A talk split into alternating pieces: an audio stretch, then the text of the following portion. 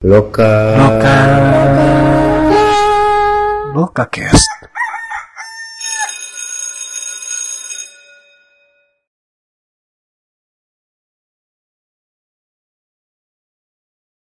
Halo teman-teman semua, balik lagi ke LokaCast. Di sini ada aku Zahra Hairunisa dari Lokalab. Tapi sekarang aku nggak sendirian nih teman-teman. Aku ditemenin teman-teman dari Curiosity dan dari Transport Podcast. Nah, kita kenalan dulu ya. Dari teman-teman Curiosity, di sini ada Maula dan ada Tika. Halo Maula Halo. dan Tika. Hai hai. Hai. Dan juga di sini ada Transport Podcast. Nah, dari Transport Podcast ini ada Haikal dan juga ada Henok. Halo Haikal dan Henok. Halo, halo, Halo, semuanya. selamat malam. Hai. Nah, sebelum itu Lokacast um, mau nih eh sorry. Sebelum itu, Local Fox pasti uh, teman-teman Local Fox penasaran banget nih Curiosity itu apa dan Transport Podcast itu apa. Tapi aku juga kepo nih sebenarnya. Uh, mau nanya-nanya dulu nih ke Maula dan ke Tika. Sebenarnya Curiosity ini eh, apa nih? Dia dia suatu suatu apa nih? Suatu makhluk ekstraterestrial atau apa? apa nih? Mau kepo-kepo nih aku. Em, sebenarnya cuman platform untuk ngebahas em, keresahan kita berdua aja sih. Kebetulan kita Hmm. berdua ini suka dengan topik-topik perkotaan dan sering dengar em, stereotip atau ya isu sehari-hari yang jadi keluhan di Betul. Lingkungan sekitar kayak teman-teman di sebelah suka ngomong kayak ih kenapa sih nih langit di Jakarta nggak pernah biru Oh, simpel-simpel kayak gitu. Jadi kayak Wow, oke. "Bagus, kenapa nggak di-share gitu. Uh, uh, uh, uh. Oke, berarti timbul dari keresahan ya akan fenomena perkotaan sehari-hari, isu-isu sehari-hari yang mungkin ada beberapa orang yang sadar atau mungkin nggak sadar. Cuman teman-teman dari Curiosity ini uh, peka akan hal tersebut dan berinisiatif untuk membuat suatu platform untuk mungkin sharing gagasan sepertinya ya. Betul. Jadi gitu. kayak eh, kan karena judulnya curiosity, jadi memang lebih ke curious kenapa sih gitu kan? Hmm. Rasa penasaran gitu. Sebenarnya masyarakat kota di Indonesia tuh kayak banyak penasarannya sebenarnya, tapi tidak ada yang menjawab gitu. Kayak kita Hmm, wow. mencari hal-hal yang eh, apa sih kayak kan sebenarnya ya Benar-benar tadi stereotip tadi kan muncul dari banyak eh, penasaran ya gitu. Kok gini sih, kok gitu sih kayak gitu. Wow, oke oke ya emang aku setuju sih kota adalah tempat belajar dan pertanyaan akan isu-isu perkotaan itu nggak pernah ada habisnya ya karena kota adalah ruang hidup kita jadi pertanyaan tentang kota ya pasti related dengan pertanyaan-pertanyaan tentang kehidupan kita ya sebagai manusia dan secara individu dan juga manusia secara sosial. Oke, wah menarik banget ya Hmm. curiosity ini. Kalau misalnya nih, aku mau kepo lebih jauh tentang curiosity. Nah, apa ada mungkin platform-platform atau page-page yang bisa uh, kita akses nih teman-teman lokal Fox akses? Sejauh ini kita masih di Instagram aja sih. Instagram, oke. Kalian yang mau kepoin Instagram kita bisa banget ke curiosity.id, tapi curiosity-nya C U R I O C I T Y.id gitu. Wah, mantap. Nanti juga tertera ya teman-teman di uh, deskripsi Spotify kita dan juga di uh, deskripsi post kita. Jadi teman-teman silahkan kepoin Curiosity apalagi untuk teman-teman yang kepo-kepo banget nih tentang kota. Oke, kemudian nih ada teman-teman kita dari Transport Podcast. Wah, dari namanya itu udah kelihatan banget ya Transport Podcast. Pasti first impression aku nih, first thought aku nih, wah itu podcast tentang transportasi. Wah, ini ada Haikal dan Henok nih pasti kalian sangat-sangat amat transport entusias banget ya. gitu. Iya. Aku mau kepo-kepo Iya, nih. iya. Iya, mau kepo-kepo nih. Transport itu apa nih? Coba bisa diceritain dulu nih ke teman-teman lokal Fox. Oke, yes. Sesuai dengan nama lah ya, Transport Podcast nih. Mm-mm. Trans Your Transportation Podcast slogan kita ya. Jadi kita Hmm. membahas tentang transportasi secara menyeluruh lah ya. Baik itu Wow. secara topiknya dari transportasinya ataupun historinya suatu moda transportasi ataupun Wah, eh, sebuah apa ya seperti misalnya jalur kereta, sejarah jalur kereta, sejarah bandara segala macam lalu kita Hmm. membahas lebih teknis lagi ke arah infrastrukturnya ataupun Hmm. rencana-rencana yang akan dibangun oleh pemerintah tentang suatu moda transportasi atau sistem transportasi dan Hmm. juga eh ada lagi kita membahas tentang teknologi misalnya kayak teknologi apa aja sih yang kit- yang ada di pesawat, yang di kereta apian ataupun di. Wah, Dan kita juga eh, nggak kalah menariknya kita juga kadang-kadang membahas isu-isu perkotaan juga sih dari uh, perspektif transportasi itu gitu sih. Wow, lengkap banget ya. Jadi temen-temen nih, eh kalau misalnya yang kepo-kepo tentang eh, transportasi dari A sampai Z tuh lengkap semua. Itu one stop place deh pokoknya transport podcast. Nah kalau misalnya nih, aku mau eh, dengerin transport podcast atau aku mau kepo-kepo nih, sebenarnya selain podcast teman-teman dari transport podcast itu uh, ada apa aja dan apa ada page yang bisa Lokavox akses? Oke, Eh, sejauh ini sih kita lebih aktif di Instagram ya. Cuman kita punya Hmm. platform YouTube tapi belum terlalu aktif sih. Wow. Oke, ditunggu Masih ya merintis teman-teman lah. Wah, mantap mantap mantap. Instagramnya apa tuh kalau boleh tahu, Haikal? Oke, ya bisa Lokavox eh, temuin dengan keywordnya transport underscore podcast ya di Instagram. Begitu juga di YouTube eh, ketik aja transport podcast ya pasti ada sih. Meskipun baru Hmm. cuman ada dua video aja. Wow, ini. mantap. Gak apa-apa, namanya merintis, guys. Oke. Yoi. Oke, jadi teman-teman jangan lupa ya, karena perihal transportasi ini itu menarik banget ya. Maksudnya tra- eh, apa ya? Kita manusia kan pasti eh, perlu ya untuk untuk mobilitas gitu, eh, berpindah dari titik A ke titik B dan itu pasti hal-hal yang dilakukan setiap hari. Dan eh, apa uniknya adalah hal tersebut tuh dijadikan dijadikan suatu platform gitu loh oleh teman-teman. Dia khususnya ada di ada di ranah itu. Jadi em, teman-teman sekali lagi kalau misalnya yang kepo-kepo tentang transportasi itu bisa banget eh, dengar di transport podcast. Aku juga udah dengar nih beberapa dari transport eh, beberapa eh, apa podcast ya dari transport podcast dan dipikir aku tuh wah ini akan fafifu was was was gitu. Ternyata enggak ya transport podcast tuh membungkusnya dengan ringan dan seru dan asik jadi nggak kerasa berat. Gitu.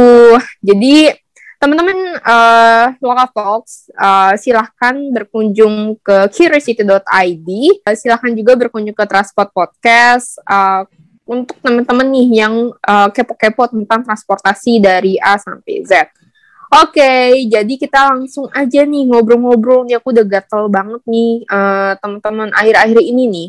Aku mau tanya dulu nih ke ke Maula, ketika ke Haikal, ke Henok nih pada dengerin berita nggak sih atau nggak buka Twitter atau nggak buka Instagram sudah di mana-mana sih viral banget ada salah satu nih anggota DPR yang mengusulkan untuk bongkar aja jalur sepeda di Jalan Sudirman Tamrin. Udah pada denger belum berita itu? Pasti sih udah sih aku yakin. Udah, udah, udah. Udah dong. udah Agak sih. bikin Iya. tahu udah ini sih. beritanya. Iya.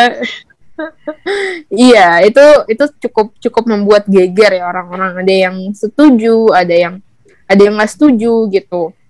Nah, cuman eh, sebenarnya yang menariknya ya selain orang-orang yang setuju, orang-orang yang nggak setuju tuh mm, merasa bahwa oke kalau kayak gitu pertanyaan yang paling sering aku baca di kolom komentar entah itu di Twitter, entah itu di Instagram, tapi kenapa yang diproteksi itu harus jalur sepeda? Kenapa nggak mobil aja yang diproteksi? Kenapa nggak jalur motor aja yang diproteksi? Kenapa nggak sekalian aja bikin jalur khusus Harley? Gitu. Why, why sepeda in the first place? Kenapa kita harus memproteksi jalur sepeda di sini? Mungkin ke teman-teman mungkin ya ada ada yang punya pendapat dulu nggak tentang hal ini? Boleh tuh dari curiosity dulu tuh. Oh. Asli tanpa sadar kita semua tuh driven untuk punya pemikiran bahwa kita ke mana-mana tuh naik mobil dan naik motor. Hmm. Kenapa bisa dibilang kayak gitu? Karena fasilitas, contohnya kayak kalau dalam kota itu selalu digenjot habis-habisan. Jadi ya orientis orientasinya kalau misalnya gue mau ngampus ya udah gue naik mobil atau naik motor nggak pernah terlintas well mungkin pernah tapi um, bukan majority of Jakarta atau kota di sebuah kota berpikiran bahwa oh gue mau naik sepeda. Um, I don't think that happen saat ini di sini.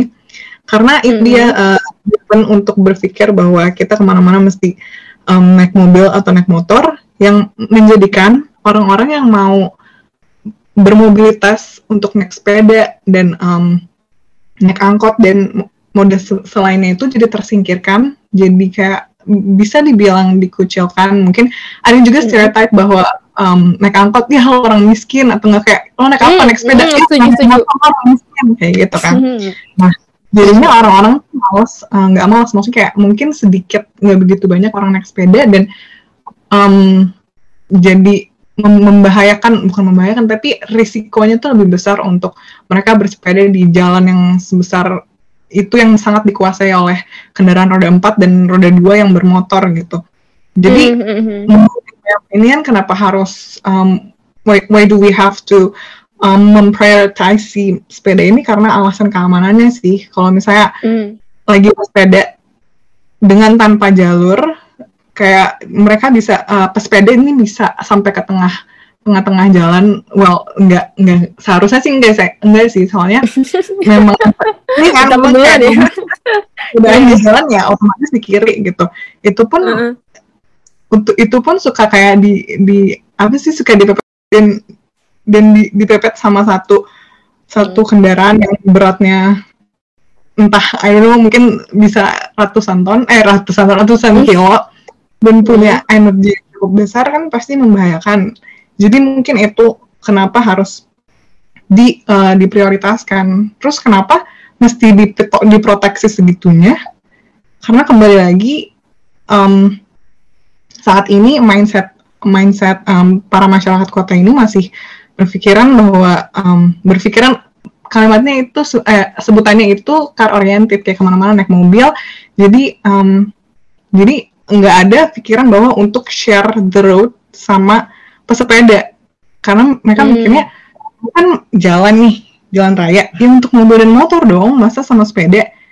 Dan tanpa sadar banyak juga masyarakat yang berpikir bahwa sepedaan itu hanya untuk olahraga kayak ah gue ke kampus naik sepeda tuh mm, enggak sih nggak nemu pemikiran kayak gitu di temen-temen yang um, kurang concern sama masalah ini Mhm. Jadi, um, kalau kalaupun mau dibandingin sama kayak contoh uh, best best city yang punya um, sistem sepeda yang sangat bagus contohnya kayak Copenhagen itu di sana nggak nggak diproteksi jalurnya karena ya memang udah culture-nya mereka bukan car oriented jadi mereka berpikir bahwa semua jalan itu untuk semua yang make pesepeda. Nah kalaupun kita mau nyontek ke kota-kota di negara tersebut lihat dulu mereka kesehariannya gimana budaya budaya bermobilitasnya gimana. Hmm. contoh kayak di Copenhagen emang Ya, terbiasa naik sepeda dan udah bisa secara em, secara naluri udah bisa nge-share jalannya dengan Mhm. dengan baik. Maksudnya nggak si pem- yang yang mobil juga nggak nggak yang nyerempet nyerempet sepeda tahu batasannya di mana.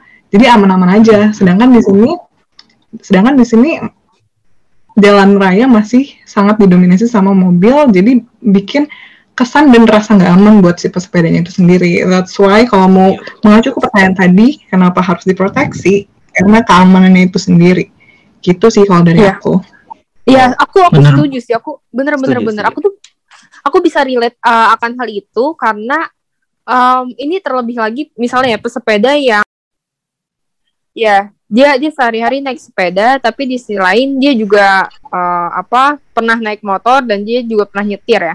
Kerasa banget Mhm. ketika naik sepeda itu mindset orang-orang di jalan itu um, ya udah dia dia pemotor dari motor tuh langsung tancep-tancep gas aja. Mobil dari mobil tuh tancep-tancep eh, gas aja gitu. Nggak nggak nggak nyadar di sebelahnya tuh ada yang naik sepeda. Jadi kayak eh, beberapa kali aku hampir ke serempet. Ya itu udah biasa lah. Dan aku juga yakin pesepeda-pesepeda harian ya. Ini eh, sepeda untuk transportasi ya bukan sepeda untuk olahraga.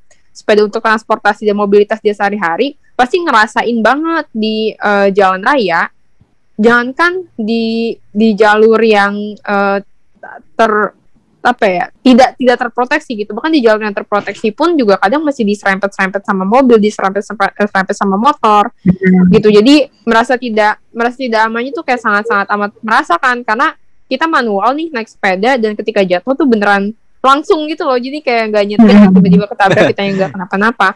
Iya.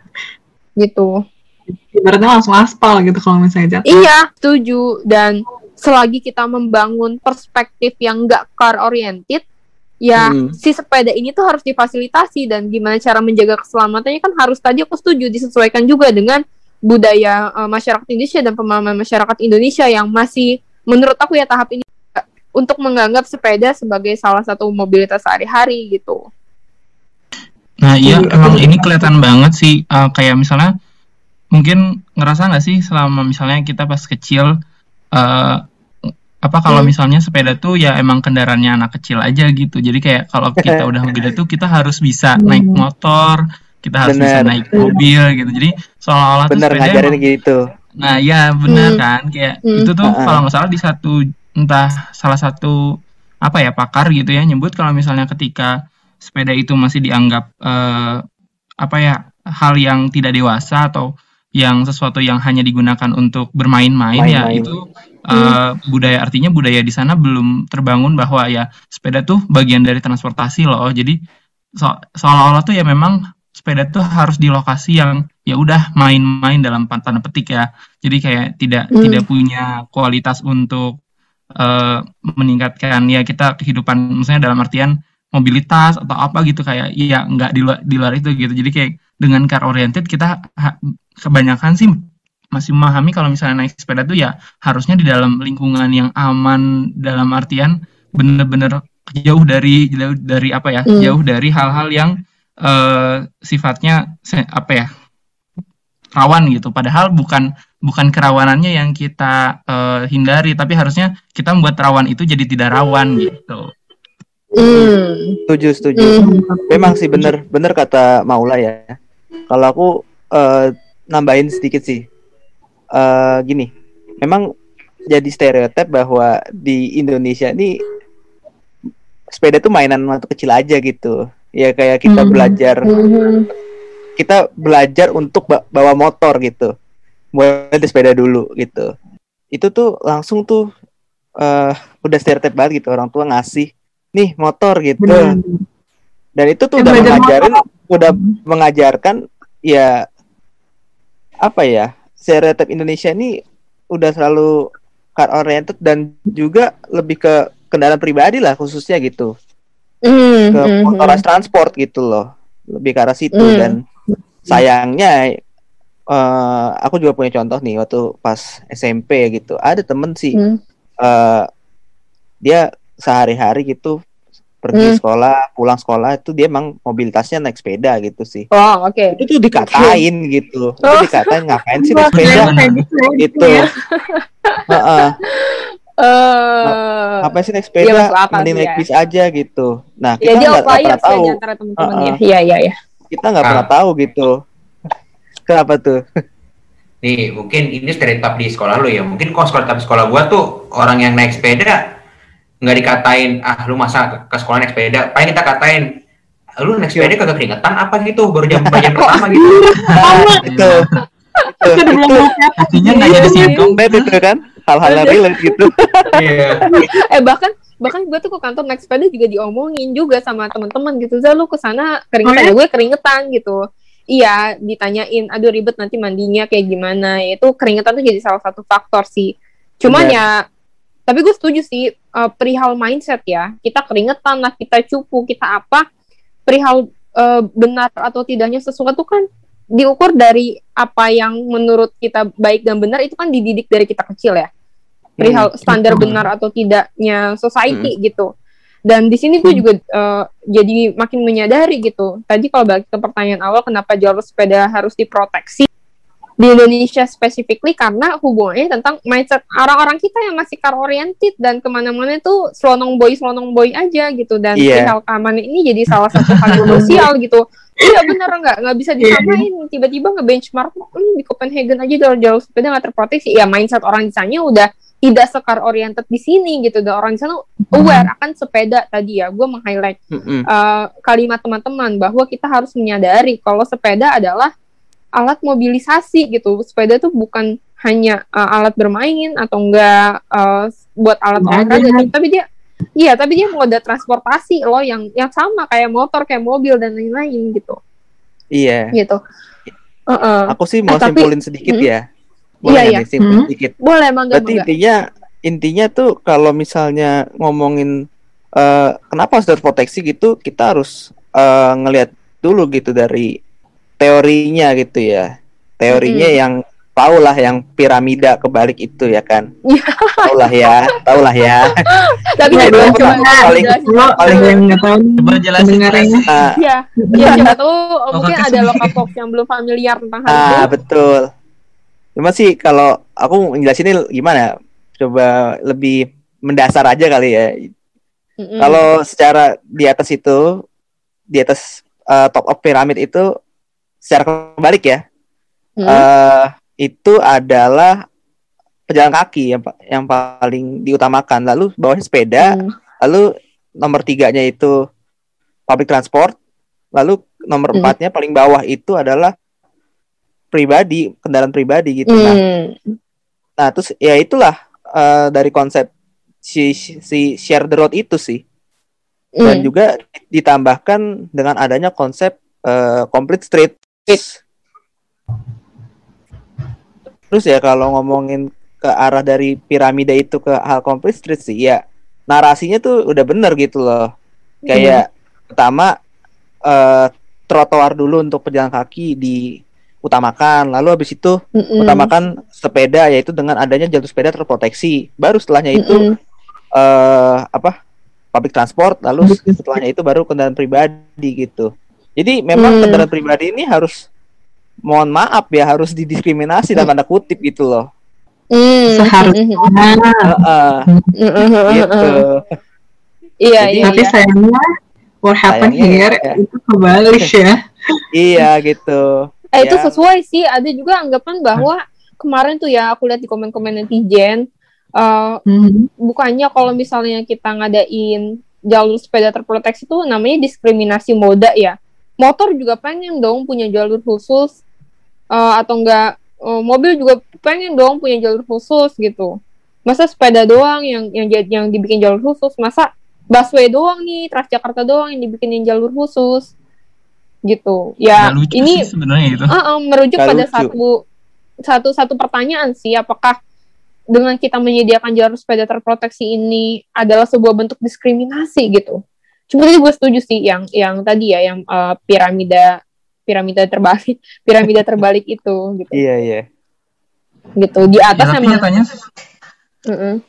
Oh ya, nggak ya nyatanya sih sebenarnya kayak kayaknya sih bahkan kayak misalnya kalau tanpa jalur ter- eh, terproteksi nih, justru eh, kebanyakan eh, dengan dengan kisah banyak cer- diserempet lah atau diklaksonin lah atau di apa sebenarnya kan justru dalam kenyataannya yang terdiskriminasi ke jalan kaki lah atau siapa justru kayak eh, maksudnya apa sih yang disebut diskriminasi gitu? Maksudnya kan dalam artian Mm-mm. apakah bukannya jalur motor apa motor naik ke trotoar itu diskriminasi? Kok mereka anggap itu share the road gitu? Kan jadinya asumsinya bingung gitu yang mana sih yang disebut Hmm. diskriminasi? Padahal harusnya kan eh, balik lagi ke apa sih yang per- diperlukan di, di transportasi gitu? Misalnya kayak ya kalau misalnya kita transport kalau misalnya kita sampainya luka-luka berarti kan itu itu bagian maksudnya ya untuk apa anda bertransportasi terus nyampe luka-luka kan? Ya paling utama kan keselamatan kan? Nah ketika keselamatannya udah mulai nggak nggak jadi aware nggak jadi utama ya otomatis itu jadi eh, ya keluar dari yang ya berarti harusnya transportasi seperti apa gitu yang yang tidak mendiskriminasi itu seperti apa gitu. Jadi kebalik gitu ketika harusnya eh, kita nyampe ya apakah kita harus tiap nyampe selalu ada kejadian kecelakaan seperti itu kan?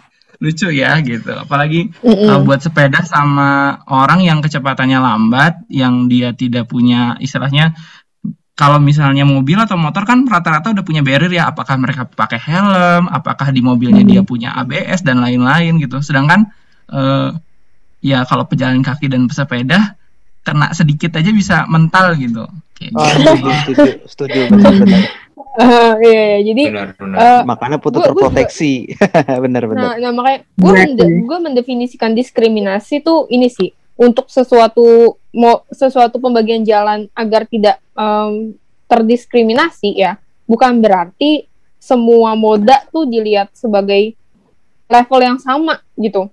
Jadi aku tuh melihat, aku tuh mendefinisikan makna diskriminasi pembagian jalan itu em, bukan oh apabila nih kita nggak uh, menyediakan semua moda kendaraan uh, itu kita sediakan jalur khusus itu maka akan diskriminasi gitu. Maka dengan kita menyediakan salah satu moda kendaraan atau beberapa moda uh, moda transportasi jalur khusus itu adalah bentuk diskriminasi. Menurutku nggak bisa kayak gitu karena balik lagi menurutku definisi uh, diskriminasi atau enggak itu basisnya adalah kebutuhan tiap-tiap moda transportasi nah kebutuhan tiap-tiap moda transportasi itu bisa ditarik dari bagaimana si moda transportasi itu bekerja, urgensi moda Hmm. transportasi itu, gitu dan kita eh, bisa melihat perbedaan yang cukup kontras ya antara misalnya eh, orang jalan kaki dan orang naik mobil. Dari kecepatannya udah beda, dari fitur pengamannya tadi disebutin juga udah beda, gitu. Dari eh, inklusivitasnya juga udah beda. Kita berarti oke. nanti kita bahas inklusif eh, inklusif yang untuk untuk sesi kedua. Itu udah beda gitu. Jadi kebutuhan tiap-tiap mode tuh eh, beda. Makanya tadi kenapa di undang-undang juga disebutin bahwa si pejalan kaki dan sepeda ini harus diutamakan. Karena emang dia yang paling nggak punya barrier gitu. Dia yang paling eh, rentan dalam Rentan. jalan. Kalau Hmm, bahasa kasarnya kasta terendah lah gitu Iya. si pejalan kaki dan si sepeda Benar. ini cuman dia justru yang harus kita masifkan penggunaannya karena eh, balik lagi ini kita nyambung juga ya nanti ke teman-teman kalau ada eh, paradigma mengenai isu lingkungan kemudian inklusivitas dan lain-lain pejalan kaki dan pesepeda itu paling sustain ya dan juga public transportasi itu eh, merupakan transportasi yang paling berkelanjutan gitu Mm-mm. makanya ini harus dimasifkan Eh, sobat lokal curiosity dan juga dari kami tuh transport podcast tuh pernah gak sih kita melihat di lapangan gitu? Kan tadi kan soal sepeda dan pejalan kaki itu adalah kasta terendah gitu pada lapangan. Hmm, nah Mhm. pernah gak sih ngeliat eh, situasi misalnya apa pesepeda akhirnya naik ke trotoar dan akhirnya ya antara pesepeda dan pejalan kaki akhirnya jadi saling ada adu argumen gitu. Itu gimana tuh? Pernah sih pernah kalau itu aku merasakan sendiri jadi waktu itu aku lagi jalan nih padahal di Hmm. pedestrian depan depan Ben Hill kan cukup cukup besar ya di jalan Sudirman Tamrin de- depan Ben Hill Iya. nah aku jalan nah kemudian uh, waktu itu tuh kondisinya lagi peak hour pulang kantor dan itu macet jadi biasa lah jalur sepeda itu di dipakai uh, Mhm. apa mobil dan motor apalagi di depan Ben Hill waktu itu nggak terproteksi jadi ya udah tuh keisi Oh, iya. orang orang naik sepeda naik aja tuh Pindah ke nyelonong boy, gitu. trotoar. pindah ke trotoar. Nah jalan tuh aku di trotoar. Eh dari dari belakang. Kayaknya tuh sepedanya tuh nggak ada nggak ada nggak ada bel yang kerincing kerincingannya dari belakang tuh agak diseruduk dikit sih tapi untungnya nggak kena. Wah. Itu yang itu dari kondisi itu tuh bisa ya, mengambil beberapa kesimpulan sih. Pertama jalur sepeda tidak terproteksi itu kan dipakai mobil dan motor ujung-ujungnya. Kedua jadi efek domino. Pesepedanya merasa tidak gitu ya. aman. Merembet tidak Mhm. aman Ke naik pejalan ke kaki trotoar. paling karena pejalan kaki itu kayak kelihatan korban banget kan. lagi, korban lagi. iya kan korbannya tuh kayak leveling gitu loh dari mobil terus turun ke motor Iya kan, eh dari mobil, Mm-mm. dari, dari pribadi turun ke sepeda, sepeda yang haknya dirampas. Dengan hak Mm-mm. sepe- pesepeda dirampas, dia nyari ruang lain. Dengan pesepeda nyari ruang lain, dia merampas hak pejalan kaki. sebenarnya di di kawasan itu em, ada beberapa em, ada beberapa trotoar yang emang udah ada tanda jalur sepedanya gitu jadi kalau Iya. menurut aku ini kembali lagi ke em, naluri untuk share jalan ya jadi em, para Hmm. pesepeda sepedanya kalau emang nggak dapet ruang di jalur sepedanya bisa naik ke trotoar tapi dengan syarat ya harus bagi jalan juga sama uh, pesepeda yang di trotoar kembali lagi ke Hmm. naluri itu sih yang menurut aku emang masih perlu dibuild abis-abisan kalau di sini ya benar. betul betul betul kayak butuh Iya. time banyak banget sih sama kayak ya gimana ya aku sih ngelihatnya ini kan Sudirman ini tuh jalur protokol ya dan Hmm. isu-isu yang selalu beredar tuh sangat tanda kutip sangat seksi gitu lah kayak Hmm. contoh dulu eh, ini tentang udah berapa udah berapa kali aja nih Sudirman itu kehilangan lajur jalannya gitu. Mulai dari Hmm. lajur tengah dipakai untuk Transjakarta ya kan. Mm-mm. Nah, Sempet marah-marah lah tuh marah-marah lah tuh. Marah banget waktu itu Heeh. pakai 3G. Ber- berkurang sih. Nah, banyak lah yang protes tapi ya eh, alhamdulillahnya ya alhamdulillahnya sih eh, stakeholder dan para pemerintah sih itu ya bersikeras gitu ya pokoknya the show must go on gitu Mm-mm. pokoknya nih eh, sebagai transportasi eh, um- umum yang terpadu di Jakarta ini harus ada dan alhamdulillah sekarang sudah terkoneksi nah itu dari satu Mm. terus ke arah 2018an ya trotoar Mm. dilebarin berkurang lagi lajurnya layout jalan ber- Iya. berubah Heboh lagi juga Heboh ada lagi. Nah, Heeh. tapi yang soal MRT sih ya nggak terlalu ya karena emang saat itu memang butuh banget gitu sekarang Mm-mm. sekarang malahan yang heboh lagi berkurang satu lajur lagi jadi jalur sepeda Mm-mm. gitu Mm. dan memang gimana ya Hmm. eh, ter- harus terproteksi ya karena satu tuh dari rentan gitu ya tapi kadang gini juga sih ada juga sepeda yang eh, mindsetnya malahan tidak sep- kayak sep- sepeda gitu loh Oh, keluar Iya, jalur gitu nah itu tuh oh. itu kadang Itu ya di Indonesia tuh emang harus di harus di ya bener-bener di itulah butuh waktu banget lah gitu. Setuju, setuju, Emang susah sih untuk membuat budaya gitu. Apalagi kayak misalnya kalau di luar negeri kan kayak orang berlibur sekeluarga bener-bener bawa satu sepeda gitu. Yuk jalan-jalan Mhm. piknik gitu. Di sini ya Mhm. ya pakai motor gitu. Pakai motor Hmm. atau enggak ya naik transportasi umum atau enggak mobil gitu. Dan kadang kalau misalnya ngomongin kenapa sih nggak prioritasin kendaraan pribadi? Loh sepeda juga kendaraan pribadi loh jatuhnya Hmm, gitu ya, dan oke. jadi ya. aku mau Mindset. menyangkut soal apa ya volume sih volume volume kendaraan Hmm. ya dan kapasitas ya mobil dengan ukuran panjangnya sekitar 2 meteran itu dipakai cuma satu orang padahal seven seater gitu Iya, dan itu nambah nambah nambah akhirnya macet gitu kalau sepeda kan kecil dan satu atau enggak bisa dua gitu kalau ada itu belakangnya nah itu kan dengan jalur yang eh, senormalnya ya itu bisa menampung banyak dan saling melaju tanpa macet gitu jadi ya itu sih konsep salah satu konsep shared roadnya gitu semua orang punya kapasitas kapasitas eh, sesuai apa ya sesuai di mana dia berada lah gitu Iya, eh, menyangkut ke efisiensi volume jalan ya. benar Gitu. benar benar Ini kalau misalnya kita samain, ah tapi kan kok eh, ini juga bisa nih. Ini kan juga ini kan juga bisa nih sepeda motor juga melakukan hal hal yang sama gitu. Dia kapasitasnya tiga orang, misalnya dia boncengan tiga orang. Iya balik lagi kan kok iya botri but botri ya. Terus tapi kalau misalnya kita balikin lagi nih ke makna transportasi berkelanjutan, sepeda motor tuh tetap ada polusinya gitu. Sedangkan sepeda kita kita bayangin mungkin sekarang kita masih aman-aman aja kita nggak nggak tahu 20 30 40 tahun lagi gitu.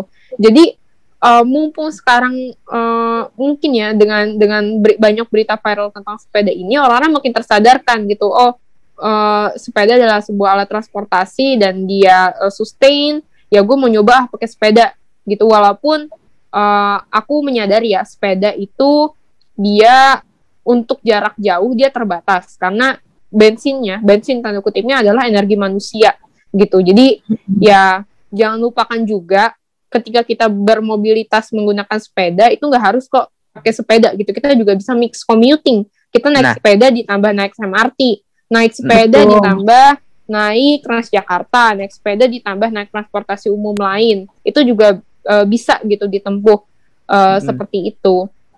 Gitu. Jadi ya jangan lupa. sharing. Iya, iya Hmm. benar benar benar. Ada gue teman-teman uh, lokal Fox kalau misalnya uh, yang kerja atau tinggal di sekitar Sudirman Tamrin ada Goes. Teman-teman bisa langsung download aja aplikasi Goes. Nah, nanti teman-teman bisa sepeda Anda tuh di situ.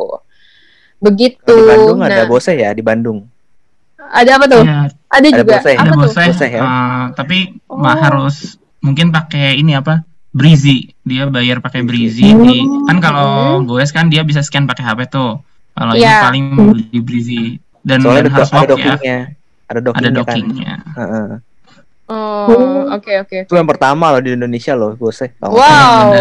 Benar. Dia malah duluan daripada gue ya? Nah, jadi nah jadi eh, bosnya itu emang eh, bersamaan dengan ya naiknya Kang Emil itu eh, memang Kang Emil ini sangat eh, ya pro lah dengan sepeda ini. Jadi eh, selain pertama boseh tuh lewat Banopoli dibantu dengan ya Banopolis dan kawan-kawan. Terus eh, ada juga nih parkir sepeda lah dan jalur sepeda walaupun jalur sepedanya masih cat ya yang kayak ya Hmm. mana proteksi gitu kan kayak cuma garis doang gitu kan. Cuma Heeh. setidaknya itu jadi ini inisiasi sih di kota Bandung eh, untuk Hmm. masalah. Jadi mungkin bagi pe- pesepeda yang dia mengakses kantor pemerintahan sekarang itu sangat saya sendiri misalnya di Bandung gitu ya lumayan nyaman gitu. Ketika ke RSUD tiba-tiba oh ada Hmm. parkir sepeda nih. Ketika masuk ke kantor eh, apa gitu. Oh ada sepeda nih. Itu parkir sepeda gitu kan. Jadi kayak mungkin bagusnya sempat seperti itu. Cuma mungkin saat ini nggak nggak lagi bukan lagi prioritas dari eh, kepala daerah. Jadi kayak stagnan lah. Hmm. hmm. Oke, ini sebenarnya menarik ya bahasan. Kalau kita sambungin lagi di awal, kenapa jalur sepeda harus terproteksi?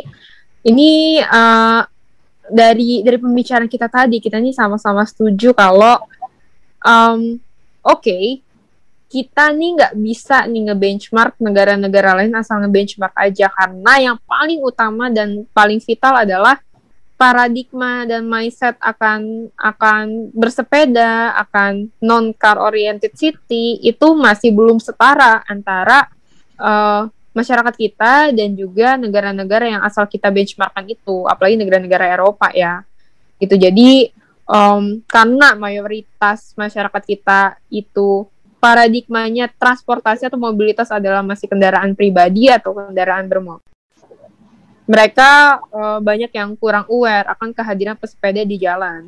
Di sisi lain, pesepeda dan juga mungkin pejalan dan juga pejalan kaki ya, itu em, paling rentan nih kasat rendah tadi ya untuk eh, untuk kecelakaan, untuk riskan gitu loh.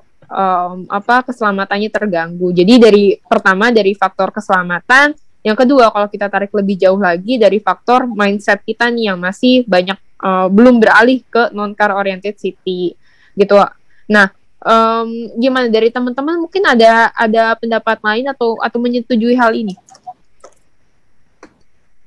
Jujur sih, eh, apa bener sih. Bener eh, kalau secara pandangan dari kami sih ya. Kalau Hmm. memang kita memang nggak bisa menjiplak eh, seperti negara-negara Eropa gitu ya. Atau kayak macam Copenhagen ataupun di negara Belanda gitu yang udah 100% budaya tuh udah kebentuk gitu ya. Mm-mm. Gini aja sih. eh, kita ini negara yang eh, mandiri ya, kita punya punya budaya sendiri juga gitu Hmm. dan ini tuh nilai-nilai nilai historis kita juga dulu diajarin Belanda juga bersepeda gitu kita mau balikin kayak gitu sih kita mau balikin kayak gitu Hmm. tapi butuh waktu lama ya ya udah dengan cara khas kita aja gitu bagaimana dan itu butuh waktu pelan-pelan banget sih gitu Hmm. iya jadi Ya, sampai. Uh, setuju Apa? setuju Iya jadi sampai nih mindset kita uh, yang yang belum aware akan kehadiran sepeda dan, meng- dan mengutamakan keselamatan pesepeda dan pejalan kaki proteksi beton tuh tetap perlu ya ketika Hmm. kita udah uh, uh, uh, ketika kita udah merasa aware dan dan keselamatan pesepeda dan pejalan kaki itu udah disadari oleh semakin banyaknya orang uh, parameternya baru deh tuh suatu saat baru deh tuh suatu saat nanti kita nggak perlu lagi tuh beton-beton. Mungkin kita punya cuma punya jalur aja gitu itu itu udah cukup untuk menjaga keselamatan gitu kali ya? Betul betul. Bisa sih. Bisa aja kayak nanti ya tahu batas-batasannya lah gitu. Mungkin kalau sekarang Hmm. Kalau dari pandangan aku pribadi ya ya aku juga seorang pejalan kaki juga seorang pengendara mobil pribadi gitu dan juga seorang Hmm. pengguna public transport gitu ya kalau misalnya itu dari mensi kitanya sendiri aja sih kayak oh saat ini aku lagi bawa mobil nih eh sebelah kiri aku nih ada jalur sepeda oh gimana caranya supaya aku bisa eh, lurus gitu supaya nggak kena jalur sepeda gitu minimal Hmm. nyentuh eh, nggak nyentuh markanya lah gitu yang hijau-hijau Hmm. itu Hmm, mana hmm, ya hmm, ya udah sabar aja gitu hmm.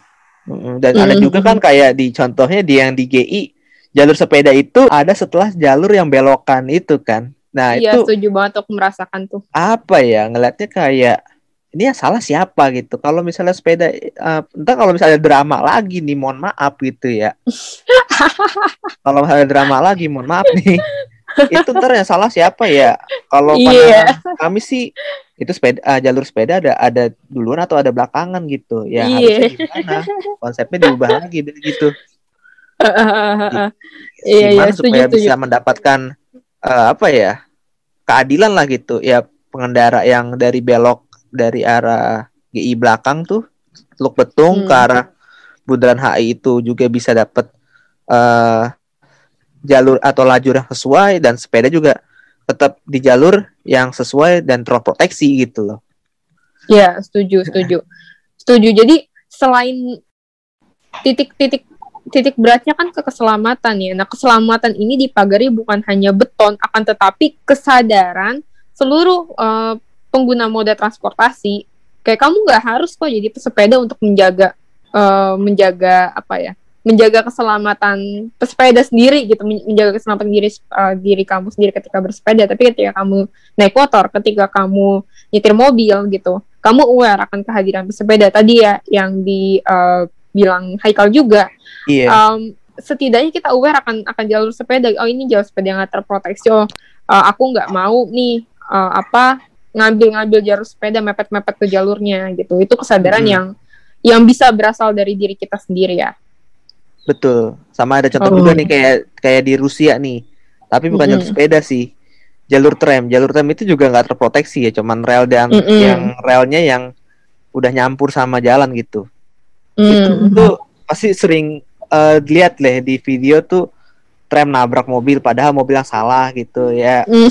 Itu kan merugikan banget gitu ya orang-orang yang di tram ngerem mendadak begitu juga masinisnya kayak gitu-gitulah contohnya. Hmm. Itulah lebih Hmm. keselamatan sih dan kesadaran tentunya gitu. Iya. Oke deh, wah menarik banget ya. Ini titik beratnya tadi kita eh, ke mindset, kemudian ke kesadaran. Jadi lokal Fox eh, mulai nih dari sekarang ya kita bareng-bareng eh, dari diri kita sendiri nih merubah paradigma em, aware nih akan seluruh seluruh moda ya moda transportasi bahkan pejalan kaki, pesepeda, yang motor juga aware akan kehadiran mobil, akan kehadiran uh, orang jalan, akan kehadiran uh, pesepeda, yang naik mobil juga aware akan kehadiran motor, pesepeda dan lain-lain sehingga uh, prinsip share the road itu bukan perihal bukan hanya perihal teknis akan tetapi perihal kesadaran kita sebagai sebagai pelaku mobilitas kota gitu. Dan Hmm. kenapa dia terproteksi balik lagi ya?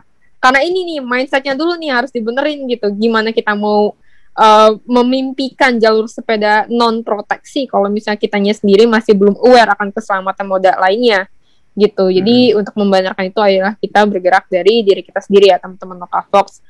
Oke, wah menarik banget ya ini bahasan kita seru sih tadi kita ngobrol-ngobrol tentang kenapa jalur sepeda harus terproteksi sampai pada mengambil kesimpulan ya tadi bareng sama uh, teman-teman Curiosity dan juga teman-teman dari Transport Podcast. Ini wah nggak kerasa nih uh, udah sampai di penghujung penghujung podcast kita. Uh, mungkin ada hal yang uh, hal terakhir yang ingin disampaikan oleh teman-teman Curiosity dan teman-teman Transport Podcast. Oke sih kalau kami di transport sih eh, harapannya ya jalur sepeda transportasi ini sih sebaiknya jangan dibongkar ataupun jangan diubah lah dengan bentuk konsepnya gimana gitu. Tapi kalaupun itu harus dibongkar sih ya cobalah layout jalanan tuh diubah juga gitu. Dan itu mungkin lebih memakan anggaran yang banyak gitu. Dan Hmm. apa ya ngelihatnya kalau begitu ya berarti udah merubah semua sikap lagi kayak start from nol lagi gitu dan pendapat kami juga ya eh, jalur sepeda ini tuh nggak cuman untuk eh, nggak cuman sekedar jalur sepeda gitu tapi sebagai jalur non motorized transport aja gitu ya baik itu Hmm. hoverboard eh, atau micro mobility lainnya gitu ya kayak Hmm. misalnya grab wheel dan lain-lain gitu dan semacam bike sharing ataupun skuter Hmm. sharing layaknya Grabwheel itu nggak cuman buat ini sih, nggak cuman buat uh, hiburan atau jalan-jalan aja gitu untuk ya bermobilitas ataupun mix commuting first or last mile gitu ya. Dan juga dengan ada jalur sepeda terproteksi ini tuh kayak contohnya Starling Starling gitu, Starling Starbucks keliling ya. Itu diuntungkan loh dengan itu dia kan kayak nyeser ya ibarat kalau bahasa bis-bis zaman dulu tuh kayak Metro Mini, Kopaja gitu nyeser nyari penumpang. Nah, ini nyari nyari orderan gitu loh. Dan juga kayak misalnya tukang-tukang es krim gitu-gitu bisa juga gitu loh make gitu loh. Itulah di situ ada konsep Oh, keadilan dan iya. share the road lah gitu. Iya bener-bener kayak gitu. Kayak gitu Dan sih. juga satu lagi sih eh, kalau emang apa kalau emang akhirnya mau dibongkar, tolonglah itu edukasi lebih gencarkan gitu, terutama buat pengendara bermotor, pejalan kaki dan juga buat pesepedanya juga gitu. Iya. Kalau dari aku pribadi, aku ngerasanya aku masih optimis sih um, Pem- pemprov nggak bakal ngebongkar itu karena ya walaupun itu um, usulan dari DPR, aku yakin pemprov itu orang-orangnya sejauh ini sangat amat mendukung tentang um, active mobility ya. Udah mulai kelihatan mau ngedukasi, ngurang-ngurangin car orientednya. Jadi aku masih optimis dan ya mudah-mudahan aja nggak dibongkar. Dan kalau tadi berkaca ke Transjakarta Nah, iya. yang sempat di yang sempat di mention sama Haikal, bisa kok ujung-ujungnya orang-orang nggak ngelanggar jalur Transjakarta. Jadi aku masih optimis sih. Bener sih setuju. Gimana, Jadi Bu? kayak pengenalan lah ini mah eh, awal kecil lah, baby step lah gitu. Boca Cast.